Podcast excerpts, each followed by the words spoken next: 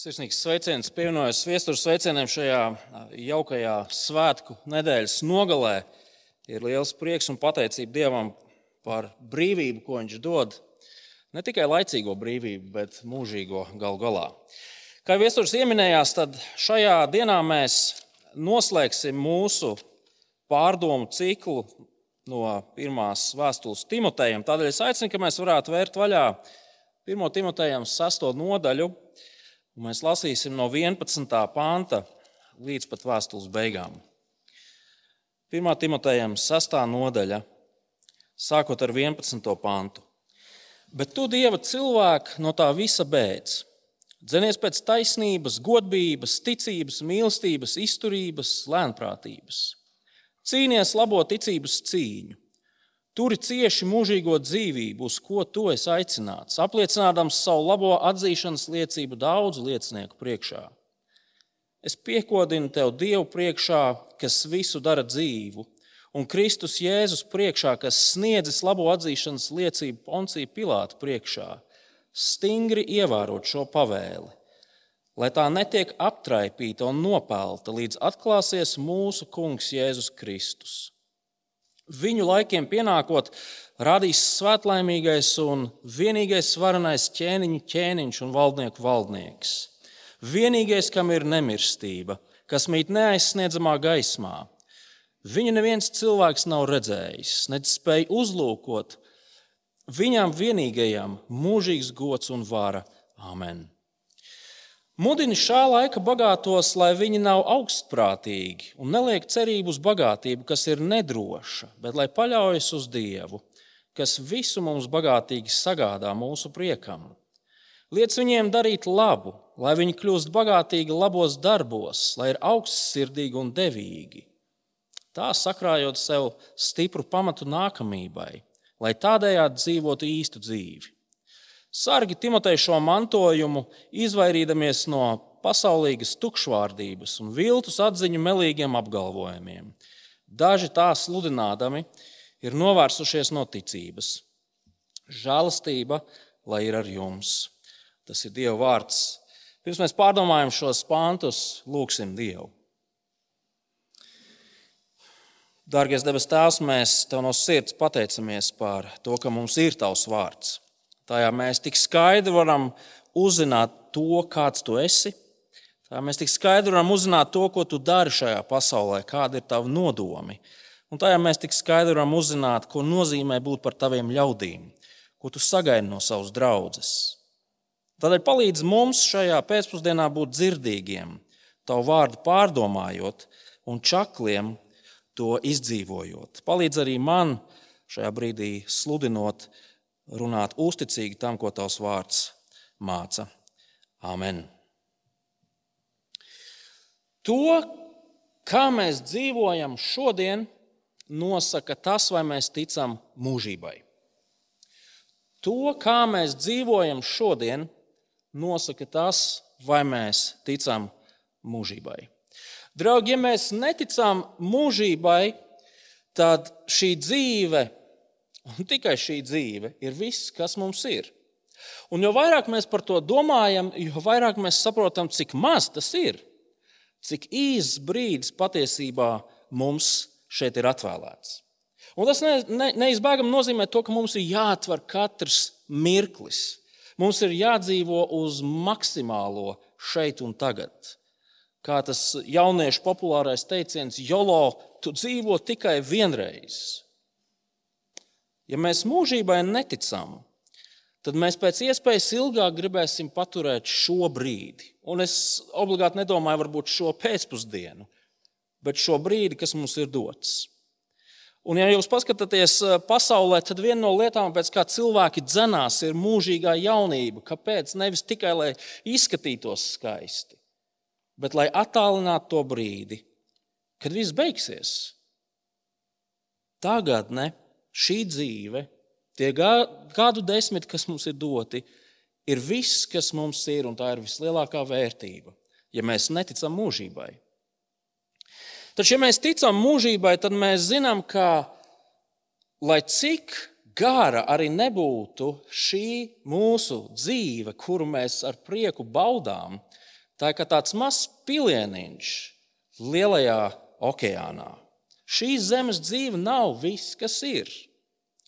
Un šīs dienas raksturvietā Pāvils Timotejam atgādina to, ka mūžība ir reāla. Mūžība ir īsta un reāla.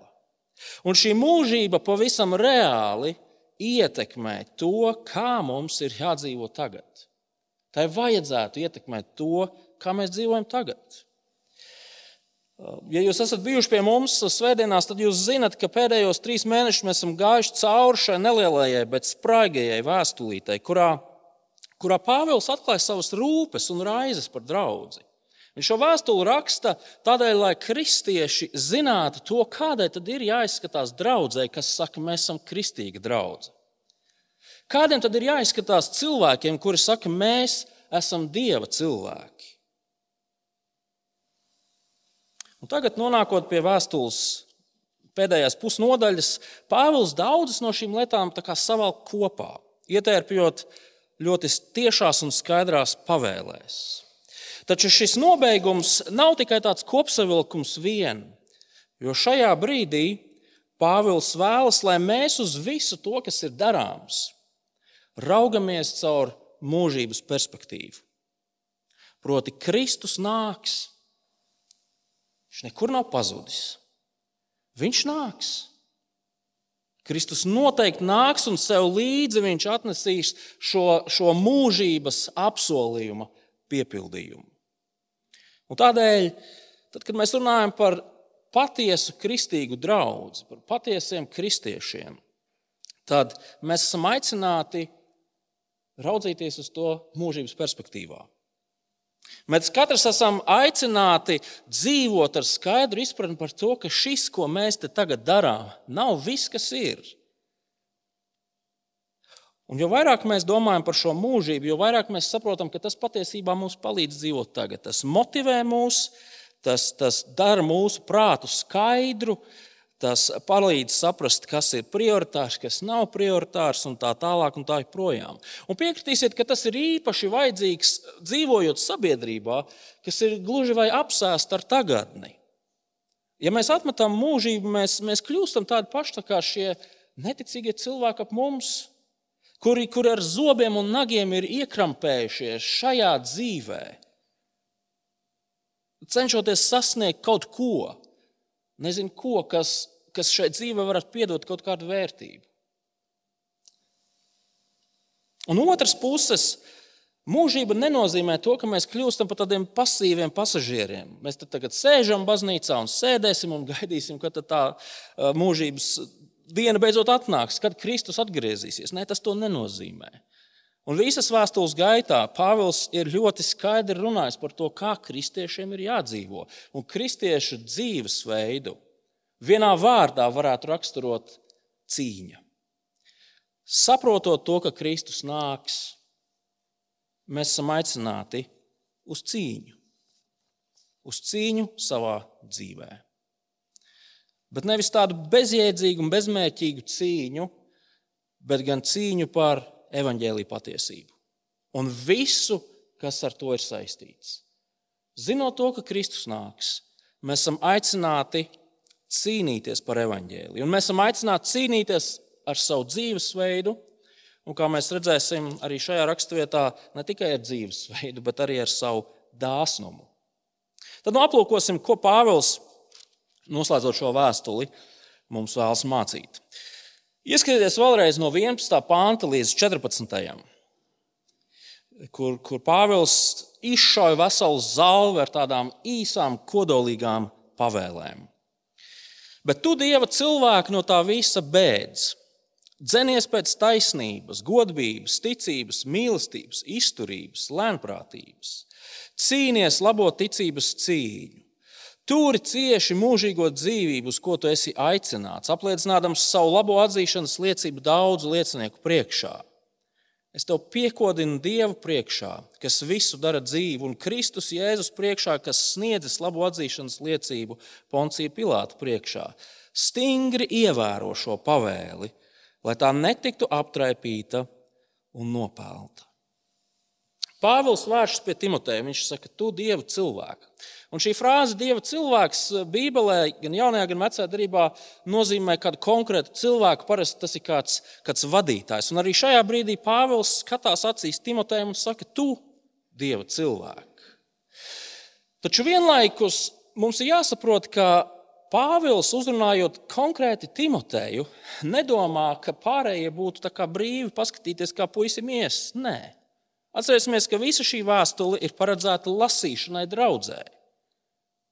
Un otrkārt, dažas nodaļas iepriekš, 4. nodaļas 12. pantā, Pāvils mudināja Timoteju kļūt par tādu kā piemēru citiem. Un tādēļ mēs varam droši teikt, jūs, Dieva cilvēki. Un šajos pantos mēs redzam piecas savā starpā saistītas pavēles. Beidz dzenies, cīnies, turi, ievēro. Un visas šīs piecas pavēles ir cieši savā starpā saistītas un viņas grozās ap vienu lietu - šī cīņa par evaņģēliju, ar to, kā mēs dzīvojam. Pirmā pavēle - bēdz, bet tu, Dieva cilvēku, no tā visa bēdz. Un uzreiz lielais jautājums, nu kas tad ir tas, no kā ir jābēg? Dažs pants iepriekš Pāvils brīdināja uzmanīties no alkatības, no, no naudas mīlestības, no, no mantkārības, no vēlmes iegūt bagātību šeit un tagad. Pāvils brīdināja uzmanīties no šiem labklājības evaņģēlijas sludinātājiem, kas tev sola debesu kalnu šeit uz šīs zemes dzīves. Vai nevarētu būt tā, ka Timotejam ir jābēg no šīm lietām? Timotejam ir jābēg nekādas koķetēšanas ar šo. Nekādas paskatīšanās, vai tur tajās mācībās nav kaut kādi patiesības krikumiņi, ko mēs varētu paņemt priekš sevis. Pāvils saka, beidz, beidz. Vai jūs savā dzīvē esat piedzīvojuši tādu reālu bēgšanu? Nu, tā kā tiešām kājas pār pleciem un bēgat. Um, rajonā, kur kur mēs ar brāli bērnībā dzīvojām. Tur, tur bija tāda viena ieliņa, kuras, eh, kurā sētā dzīvoja tāds balts kaukāzietis. Ziniet, tas ar nošķeltajām ausīm un, un bez astes. Un šis, šis sunītis, lai neteiktu mežonis, viņš dažreiz norāvās no tās savas ķēdes, pārlēc pāri sētai. Un tajā brīdī, kad šis sunītis kaut kur parādījās pie apgāršņa, es tā pie sevis nedomāju, vai kāds mazs pūkains sunītis Jāaiziet paskatīties, kāpēc viņam pa muti tās baltās siekals tek. Draugi, tajā brīdī, kad es to sunīti ieraudzīju, es bēgu. Burtiski bēgu, un tas izskatījās iespējams ļoti smieklīgi. Jauns cilvēks uzlīdz kokā vai stabā vai kas nu tur tuvāk pagadījās. Kad tu redzi maldu mācības, kad tu redzi šīs lietas, kuras tevi vilina prom no evaņģēlīja patiesības, kuras tev sola nezinu ko, kas nesaskan ar rakstiem. Pāvils saka, beidz. Vienkārši skrien prom. Netuvojies, netēlo varoni. Tas ir pārāk bīstami. Un ir pilnīgi vienalga, vai tas izskatās smieklīgi vai neizskatās. Tev ir jābēg prom. Otrā pavēle dzenies. Un šī ir pilnīgi pretēja pavēle. Dzenies pēc taisnības, godības, ticības, mīlestības, izturības, lēnprātības. Grieķu valodā šis vārds dzīties, burtiski tulkojot, nozīmē vajā. Un tad, kad Pāvils apstuļu darbu grāmatā runā par to, kā viņš vajāja kristiešus, viņš izmanto tieši šo pašu vārdu. Ja mēs varētu izmantot to sunīšu piemēru vēlreiz, kļūstiet par to sunīti, kurš rajona puikas vajā. Es biju pārspīlējis, bet jūs saprotat, ko es runāju. Pāvils saka, dzenies, vajā, medī, par visām varītēm mēģini iegūt. Tā ir neatlaidīga rīcība. Tas ir kā tāds sportists, kurš, kurš skrien pretī finiša, finiša līnijai. Un kas tad ir tas, kas kristietim ir jāvajā? Tas ir rakstura īpašības. Taisnību, godību, jeb citiem vārdiem sakot, dievbijību, ticību, mīlestību, izturību, lēnprātību, kas ir tas pats pacietība.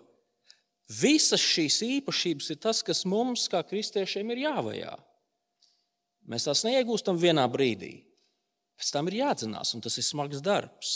Bet visas šīs īpašības, kuras Pāvils šeit uzskaita, viņas nav nejaušas. Tās visas rakstur, ir, ir kā tāds pretstats tam, ko raksturoja, kas raksturoja šos lepnos, iedomīgos, egoistiskos, uh, uz redzamo un, un uz, uz, uz kārībām vērstos viltus skolotājus un viņu sekotājus. Bet ir vēl viena lieta, ko šīs īpašības raksturo. Vai jūs zināt, kas tas ir?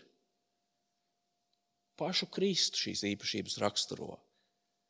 Kristu raksturo visas šīs lietas - taisnība, dievbijība, ticība, mīlestība, izturība, pacietība. Pāvils saka, tu dieva cilvēku savā dzīvē dzenies pēc tā, lai to ar, jo dienas jau vairāk sākt līdzināties savam kungam. Kļūst tāds pats kā viņš. Tas nav nekāds sprintiņš, ko mēs varam vienā dienā noskriet de, deviņās sekundēs. Ne, tas ir maratons, kas ilgst visas dzīves garumā. Bet mēs esam aicināti uz šo neatlaidīgo dzīšanos pakaļ. Beidz, dzenies, treškārt cīnies. Cīnies labo ticības cīņu. Šī, šī cīņas valoda sevi ietver ne tik daudz tādu karavīru, kurš, kurš ierakumos stāv un, un šauj pa ienaidnieku. Nē, šeit vairāk ir domāta tā grieķu romiešu cīnītājs, kurš ir, kurš ir arēnā. Tajā, tajā aplī viņš stāv, ieņēmis pareizo pozu, lai varētu uz lāpstiņām nolikt savu pretinieku. Tā ir tāda cīkstēšanās, tāds sparings, tāda, tāda smaga, neatlaidīga darbība. Un patiesībā mēs šo pavēli jau redzējām vēstules ievadā. Pirmajā nodaļā Pāvils Timotei mudināja cīnīties pret maldu mācībām, cīnīties par evaņģēlīju patiesību.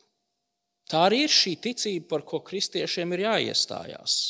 Tas ir mudinājums palikt evaņģēlīja patiesībā. Un šis mudinājums ir izteikts tāpēc, ka palikšana evaņģēlīja patiesībā nav pašsaprotama. Tā nav pašsaprotama. Ja mēs par to necīnāmies, mūsu pretinieks noliks uz lāpstiņām. Ja mēs nebūsim formā, tad mēs varam zaudēt. Es bieži vien esmu dzirdējis mācītājus runā, izmantojot tādu piemēru, ja mēs ar velosipēdu braucam un pārstājam mīties, mēs apgāžamies. Un tieši tas pats ir šis mudinājums cīnīties. Cīnies, neatlaidies.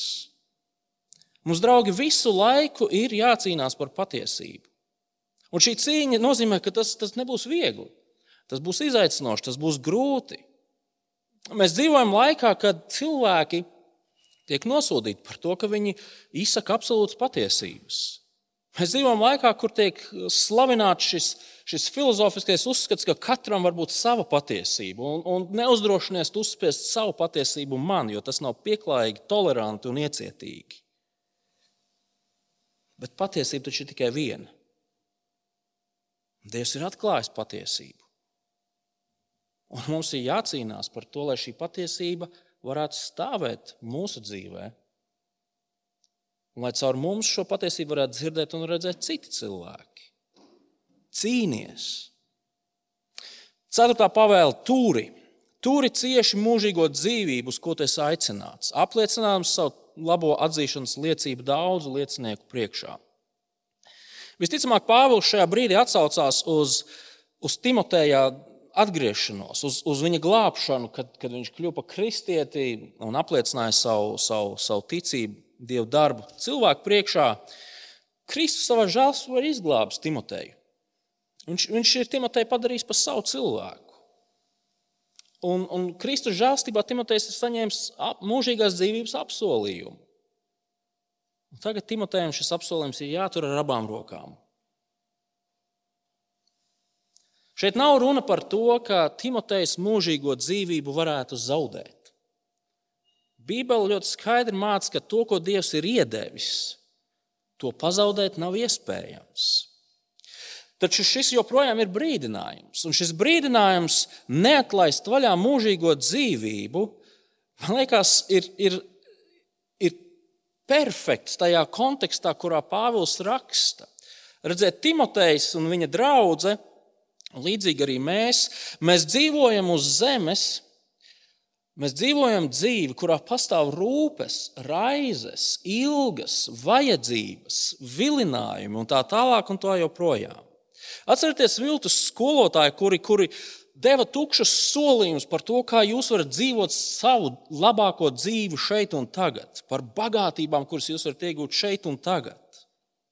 Un, draugi, un šajā kontekstā ir ļoti viegli palaist vaļā mūžīgās dzīvības drošu apsolījumu.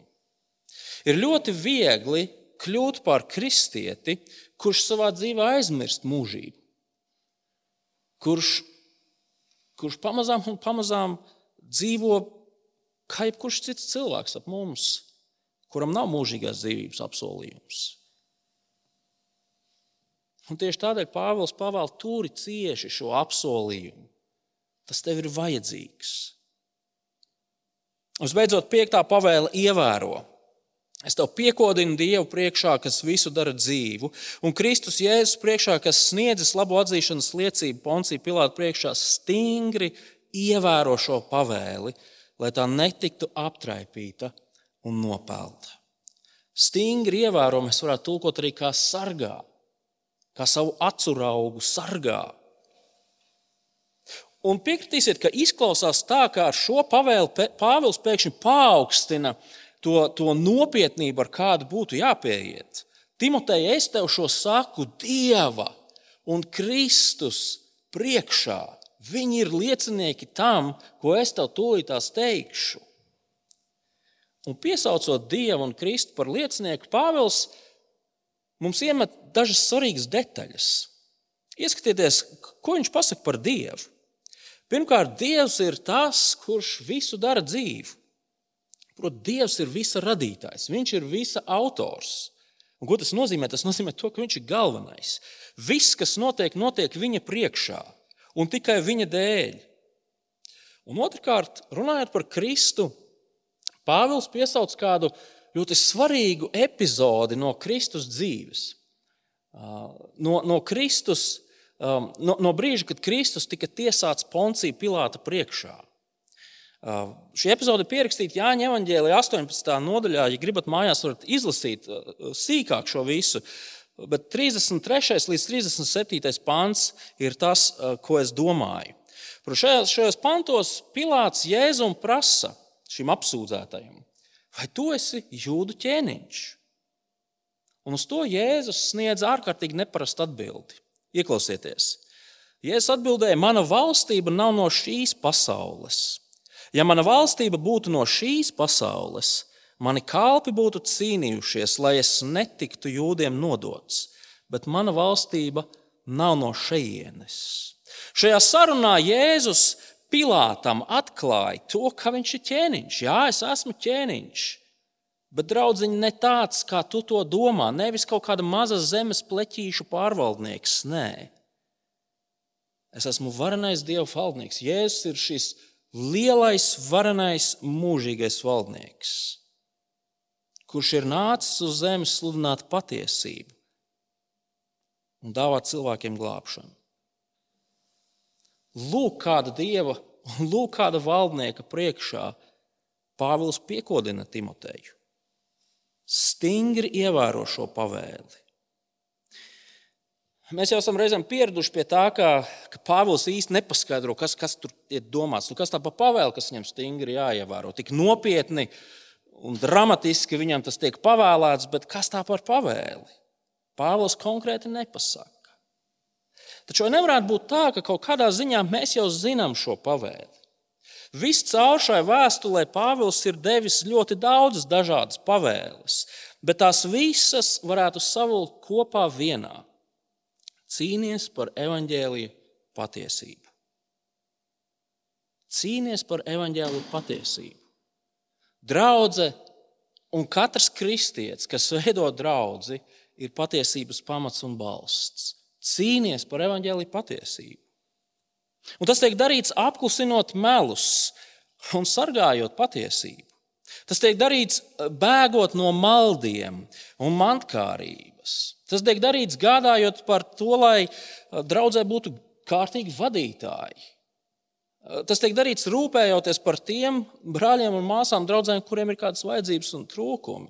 Tas tiek darīts dzenoties pēc Kristus rakstura īpašībām savā dzīvē. Tas tiek darīts turoties pie mūžīgās dzīvības apsolījuma.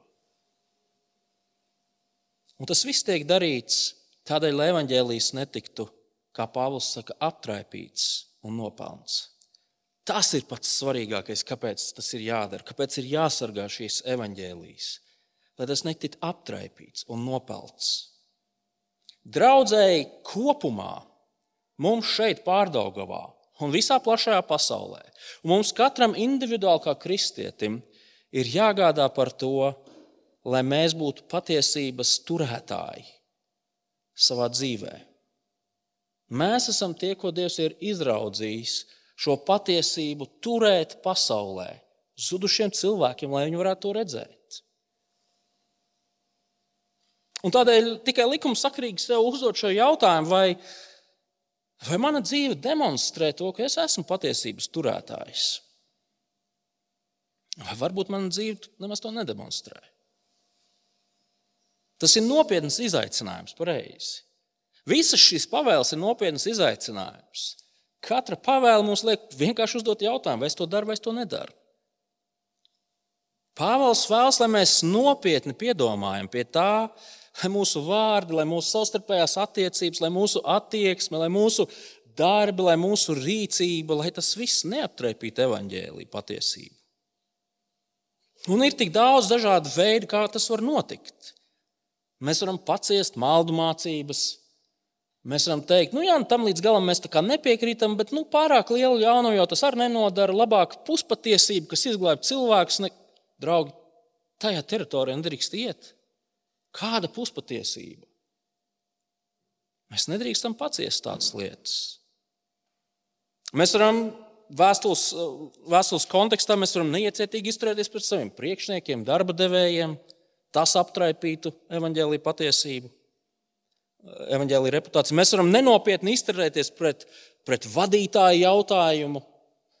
Mums ir uzdevums iecelt vislabākos un gādāt, lai viņi tādi arī paliek. Bet mēs pieejam pavirši šim jautājumam, paciešam vadītāju grēkus. Tas aptrēp evaņģēlīju. Mēs varam ignorēt savu brāļu un māsu vajadzības. Tas aptrēp evaņģēlīju. Mēs varam nicināt laulību, mēs varam nicināt seksuālo šķīstību. Tas aptrēp evaņģēlīju. Mēs varam radīt kaut kādus cilvēku izdomātus likumus un noteikumus, kā mums tagad ir jādzīvo. Bet šāds legālisms, cilvēku noteikumos balstīts eh, pasaules uzskats, tas aptraipa žēlastības evaņģēlīju. Mēs varam ilgoties un dzīties ar visiem spēkiem pēc labākās dzīves šeit un tagad, palaižot vaļā mūžības apsolījumu. Draugi, tas aptraipa evaņģēlīju. Mēs redzam, ka mūsu rīcībai un mūsu dzīvesveidam ir milzīga nozīme. Vai nu mēs ar to demonstrējam evaņģēlīju patiesību, tā košumā un plašumā, ja? vai arī mēs to nedarām? Iespējams, ka, ka klausoties šajos, šajos vārdos, mēs, mēs apzināmies to, ka patiesībā mēs nespējam izdarīt to, ko Pāvils šeit saka. Mēs vienā vai pat vairākos veidos savā, savā privātajā dzīvē, savā publiskajā dzīvē, kopā ar darba kolēģiem, ar ģimenes locekļiem, mēs esam rīkojušies tā, kā mums varbūt nevajadzētu rīkoties. Mēs esam jā, aptraipījuši evaņģēlīju reputāciju. Iespējams, kāds šeit sēž un tā jūtās. Ja jūs tā jūtaties, tas ir labi bet nekritīsim izmisumā. Atgriezīsimies no savu grēka un, un Dieva žēlstībā dzīvosim tālāk. Draugi, mums ir jāsaprot, ka šīs pavēles nav izteiktas, lai iedzītu nabaga kristietis zemē, dubļos. Nē, šīs pavēles nav izteiktas tādēļ, lai mēs ar savu centību kaut kādā veidā izpelnītos labvēlību Dievu priekšā. Nē, šīs pavēles ir izteiktas, cilvēkiem, kas ir Dieva cilvēki, kas ir Dieva ļaudis, kas dzīvo to žēlstības dzīvi, ko Kristus ir devis. Atcerēsimies, ko Pāvils teica 1. nodaļas 15. pantā. Uzticam un pilnīgi atzīstam ir vārdi, ka Kristus Jēzus ir nācis pasaulē glābt grēciniekus, no kuriem pirmais esmu es. Dieva mīļotie, mēs visi esam dārgi atpirkti, Dieva ļaudis, kas joprojām ir grēcinieki. Kristū mēs esam viņa ļaudis. Mēs esam dzīvā Dieva drauga Kristū. Mēs esam saņēmuši mūžīgās dzīvības apsolījumu. Un tieši tādēļ mēs esam aicināti šo mūžīgo dzīvības apsolījumu vēsti turēt neaptraipītu. Kāpēc? Tāpēc, ka Dievs vēlas glābt daudzus, jo daudzus citus cilvēkus. Tad mēs esam aicināti cīnīties ar savu dzīvi, ar savu dzīvesveidu par to, lai evaņģēlijas varētu spīdēt. Kā tāda bākas gaisma šajā tumšajā pasaulē, kur daudziem jau daudziem ir nepieciešama glābšana.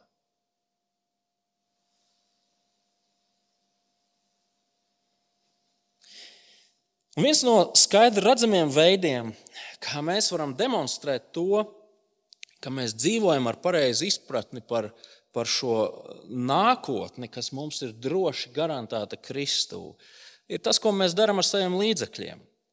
Es kādu laiku domāju, nu, ko Pāvils, kāpēc viņš tā tādu mazu tādu vienkārši op, iemet tādu kaut ko bagātniekiem un pa naudu. Bet, manuprāt, tas ir spilgts un labs piemērs, kurš parāda praktiskā veidā, ka mēs esam cilvēki, kuri ir satvēruši mūžības perspektīvu. Mēs varam būt dāsni ar to, ko Dievs mums ir devis. Tāpēc, ka mēs zinām, ka šī dzīve nav viss, kas ir. Kristus nāks, un mēs gaidām šo dienu. Ieskatieties, ko viņš, ko viņš saka no 17. līdz 19. pantam. Mūdiņi šā laika bagātos, lai viņi nav augstprātīgi un neliek cerību uz bagātību, kas ir nedroša, bet lai paļaujas uz Dievu, kas visu, kas visu mums bagātīgi sagādā mūsu priekam. Liec viņiem darīt labu, lai viņi kļūst bagāti labos darbos, lai ir augstsirdīgi un devīgi, tā sakrājot tev stingru pamatu nākamībai, lai tādējādi dzīvotu īstu dzīvi. Pāvils šeit uzrunā cilvēkus, kuriem ir materiāls nodrošinājums, un saka, bagātie, šī laika bagātie. Un tas, protams, nenozīmē, ka viņš nerunā uz visiem pārējiem. Mēs te varētu sākt diskutēt par to, kurš tad ir mūsu bagātais un kādai summai ir jābūt vidēji mēnesī mūsu bankas kontā, lai mēs skaitītos bagātie. Draugi, pirms mēs sākam nodarboties ar matemātiskiem aprēķiniem, dažus pāntus iepriekš, 6. nodaļā, Pāvils Pāvils teica 8. pantā, ja vien ir iztika un apģērbs, ar to mums būs diezgan. Tātad, ja mums ir vairāk par iztiku un apģērbu, mīļie draugi, mēs piedarām pie tās kategorijas visticamāk, par ko Pāvils šeit runā. Un ievērojot, ka Pāvils šeit nesaka, ka bagātības ka materiālais nodrošinājums ir kaut kas slikts un nevēlams. Pāvils to nesaka. Tas nav tas, ko Bībele māca. To ir svarīgi saprast. Bagātajiem netiek teikts, ka tagad viņiem ir ātri jāatbrīvojas no, no, no sav, saviem uzņēmumiem, no saviem biznesiem, vai ka mums tagad ir labi apmaksātais darbs jānomaina ar kaut kādu tādu mazāk apmaksātu darbu, vai tā tālāk un joprojām. Pāvils to neaizliedz, viņš to nenosoda. Tādēļ arī mēs nedrīkstam neko tādu iedomāties. Taču jau iepriekšējā nedēļā mēs redzējām, sastās nodaļas sākumā Pāvils ļoti stingri brīdināja mūs no, no mantas valdzinājuma. Ir ārkārtīgi svarīgi, ka mēs pareizi raugamies uz to, kas mums pieder. Un tā ir taisnība. Un jūs droši vien to varat apliecināt. Jo vairāk mums pieder, jo vairāk mums ir jāsargā savas sirds. Bet ko tad Pāvils pavēl turīgajiem, tiem, kuriem ir rocība šīs mūžīgās, mūžības gaismā? Pāvils pirmkārt vēlas, lai šie turīgie raudzītos pareizi uz sevi. Ieskatieties, mudini šā laika bagātos, lai viņi nav augstprātīgi. Cilvēks, kurš savā dzīvē ir sasniedzis daudz vai vairāk nekā citi, viņš pavisam nejauši, varbūt pat neapzināti, bet nejauši var iekrist šajā kārdinājumā un sevi vērtēt augstāk par citiem. Un nav svarīgi, vai tie būtu tādi materiāli sasniegumi, akadēmiski sasniegumi, vai, vai sasniegumi sportā, mūzikā vai jebkurā citā lietā. Nē, esiet augstprātīgi. Kāpēc tāds piekodinājums? Tāpēc, ka augstprātība mums neļauj pareizi novērtēt situāciju. Augstprātība mums ir, ir kā brīlis, caur kurām mēs pareizi neredzam paši sevi un realitāti, kurā mēs dzīvojam. Augstprātība mums neļauj ieraudzīt to, ka patiesībā viss tas, kas mums ir, tas taču nāk no Dieva. Un tieši tādēļ otra lieta, ko Pāvils šos bagātos mudina darīt, ir paļaujies uz Dievu, nevis uz savu bagātību. Mudina šā laika bagātos, lai viņi nav augstprātīgi un neliek cerību uz bagātību, kas ir nedroša. Bagātība ir nedroša. Man liekas, pietiek ar pēdējiem pieciem gadiem, vai ne? Tepat Latvijā. Covid, karš, vēl viss kaut kas, lai mēs saprastu, cik tas viss ir nestabili. Viena krīze un viss mums ir pazudis. Un, protams, atkal Pāvils šeit nerunā par to, ka mums nevajag, nevajag domāt, izmantot pelēkās šūnas, kuras Dievs mums ir devis, lai mēs gudri saimniekot ar to, ko Dievs mums ir devis. Pāvils šeit nerunā par to, ka mēs nedrīkstam plānot un domāt par budžetu un tā tālāk un tā joprojām. Mēs neesam aicināti būt par tādiem vientiesīšiem, viendienīšiem. Tas nav tas, ko Pāvils šeit māca. Taču šeit Pāvils runā par to, lai mēs nepaļautos uz šo cilvēcisko faktoru. Te ir runa par, par uzskatu, ka man ir labi, es esmu drošībā, tāpēc ka es esmu bagāts. Man ir drošības spilvens, tāpēc ar mani viss ir kārtībā. Pāvils te runā par to, ka mēs nedrīkstam nonākt situācijā, kur mēs sakām, man ir jādzinās pēc tā, tā, tā, tā, lai radītu šo drošības spilvenu un lai es varētu justies labi un droši šajā pasaulē. Kāpēc? Tāpēc, ka tas viss ir tik nedrošs. Tā vietā, lai paļaujas uz Dievu, kas visu mums bagātīgi sagādā mūsu priekam. Draugi, viss, kas mums ir, ir Dieva dots. Viss nāk no Viņa.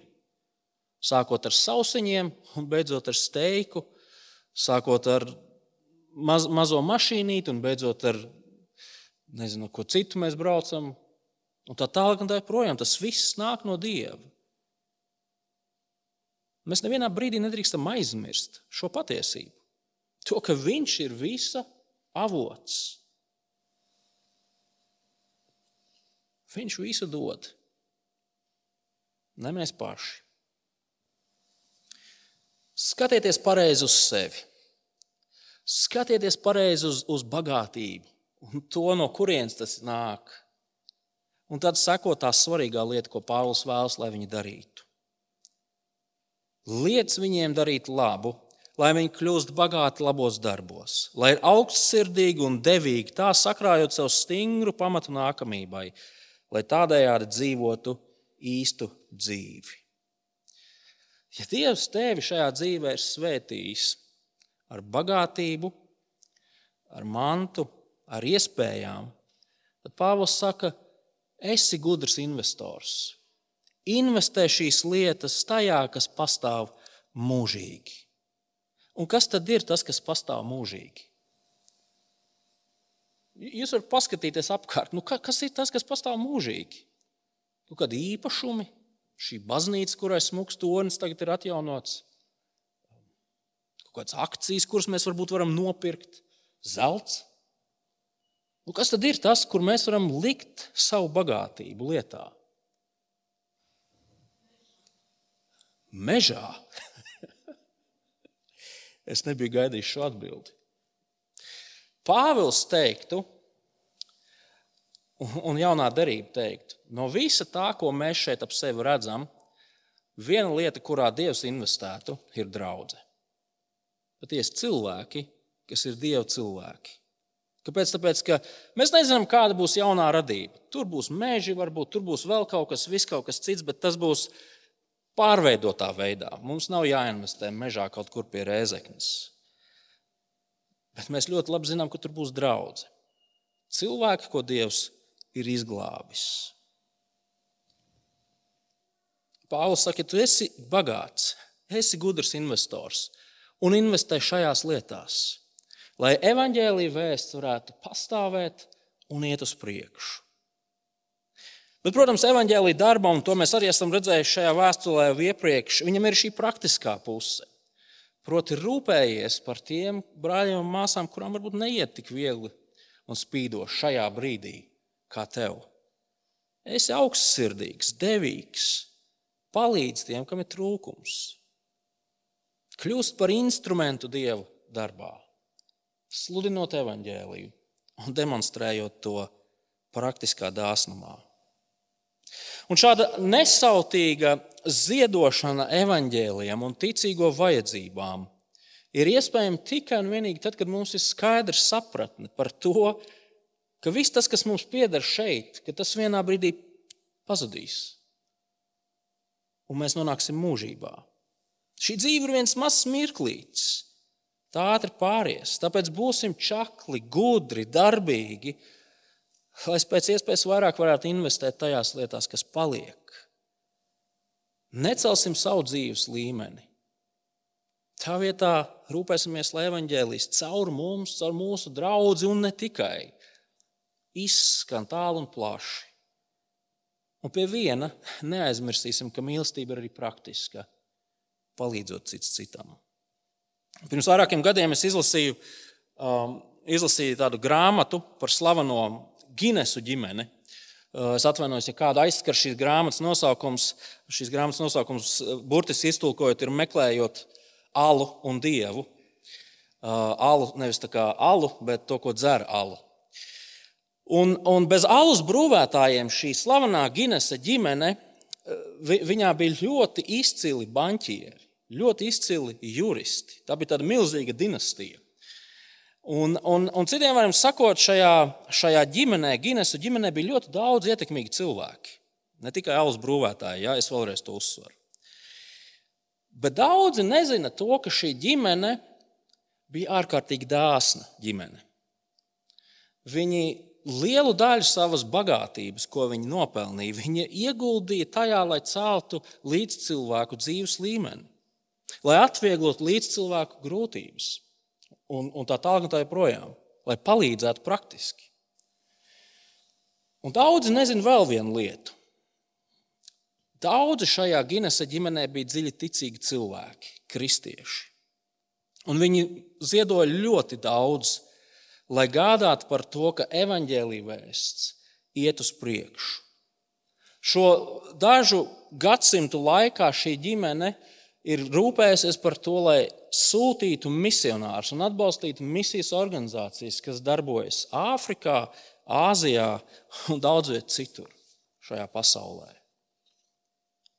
Šie turīgie cilvēki, šī, šī Ginesu dinastija, viņa izmantoja to, ko Dievs viņiem bija devis, lai šī, šī glābjošā evaņģēlīja patiesība varētu tikt spīdēta, varētu spīdēt pasaulē, tumsā dāvājot daudziem reālu cerību un glābšanu. Un Pāvils šeit uzrunājot turīgos, viņš saka, jūs esat aicināti darīt tieši to pašu. Tērējiet savus līdzekļus gudri, investējiet lietās, kas paliek.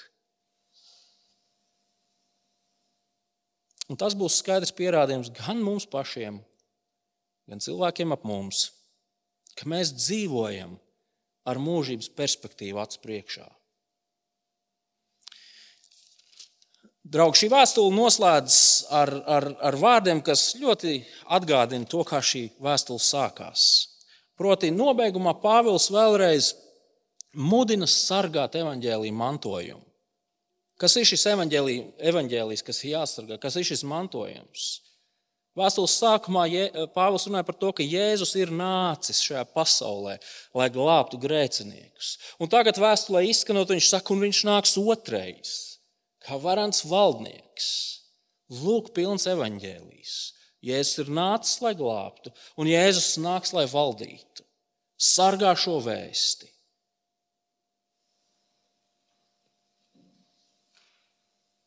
Turēšanās, es atvainojos, Pāvils šo saka, tāpēc, ka cilvēki šajā laikā turās pie visām lietām. Ieskatieties, kā viņš vēlreiz nobeigumā šeit saka. Sārgi Timotei šo mantojumu izvairīdamies no pasaulīgas tukšvārdības un viltus atziņa melīgiem apgalvojumiem. Daži tā sludinājumi ir novērsušies no ticības. Tas ir laiks, kurā dzīvoja Timotejs, kurā dzīvoja Efezas draugs, un tas ir laiks, kurā dzīvojam mēs un kurā eksistē pārdaugos draugs. Kas ir šī tukšvārdība?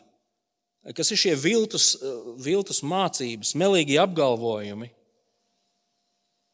Pretējais evaņģēliem. To, ka Kristus nav svarīgs, to, ka otrais viņš nenāks, vai arī nāks, tad tā tiesa nebūs barga, un tā tālāk un tā joprojām. Pāvils saka, tas viss pret prom no ticības. Sargā patieso evaņģēliju. Kristus nāks, tā ir patiesība. Vēlreiz ieskatieties eh, no 14. līdz 16. pantam. Stingri ievēro šo pavēli, lai tā netiktu aptraipīta un nopelta, līdz atklāsies mūsu Kungs Jēzus Kristus. Viņu laikam pienākot rādīs svētlaimīgais un vienīgais varenais ķēniņš, ķēniņš un valdnieku valdnieks.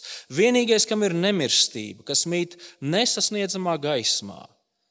Viņu neviens cilvēks nav redzējis, ne spēj pat uzlūkot. Viņam vienīgajam mūžīgs gods un slava. Pāvils saka, ka Jēzus kādu dienu pavisam noteikti nāks. Tas ir fakts. Viņš vēl nav noticis, bet tas ir droši. Un šī, šī nākšanas diena ir droša. Kāpēc? Tāpēc, ka tā ir varenā dieva pārziņā. Tā būs godības pilna diena. Un tādēļ nav nekāds brīnums, ka Pāvils šajā, šajā brīdī izpūst tādā dievu cildinošā um, teikumā. Paskatieties uz to, kāds ir šis Dievs, kurš īstenos savu plānu, sūtot Kristu vēlreiz. Pastieties uz viņu. Svētais, varenais, ķēniņš, valdnieks, nemirstīgais, cilvēkiem neaizsniedzamais, pilnīgi absolūti citādais Dievs, pārākais Dievs. Kristus nāks un Dievs parūpēsies par to, lai tas tā notiek. Par to mēs varam nešaubīties ne uz milisekundi. Bet līdz tam mums ir jādzīvo gaidot šo dienu, ilgojoties pēc šīs dienas. Un līdz šī diena pienāk, mums ir jādzīvo mūsu Dieva dotā dzīvība, kalpojot Viņam, cīnoties par Viņa vēsti, par Viņa evaņģēliju. Kā mēs to darām? Mēs bēgam no melu mācībām, Mēs dzenamies pēc Kristus rakstura sevī. Mēs cīnāmies par patiesību. Mēs turamies pie mūžīgās dzīvības apsolījuma. Mēs sargājam evaņģēliju. Mēs esam neizsakām dāsni ar visu, kas mums ir. Un tādējādi, brāļi un māsas, mēs kļūstam par draugu, kas korekti ar saviem trūkumiem, bet Dieva žēlastībā atspoguļo to, kāds ir Dievs, kuram mēs ticam un kādu dievu mēs sludinām pasaulē, kurai ir nepieciešama glābšana. Lūksim!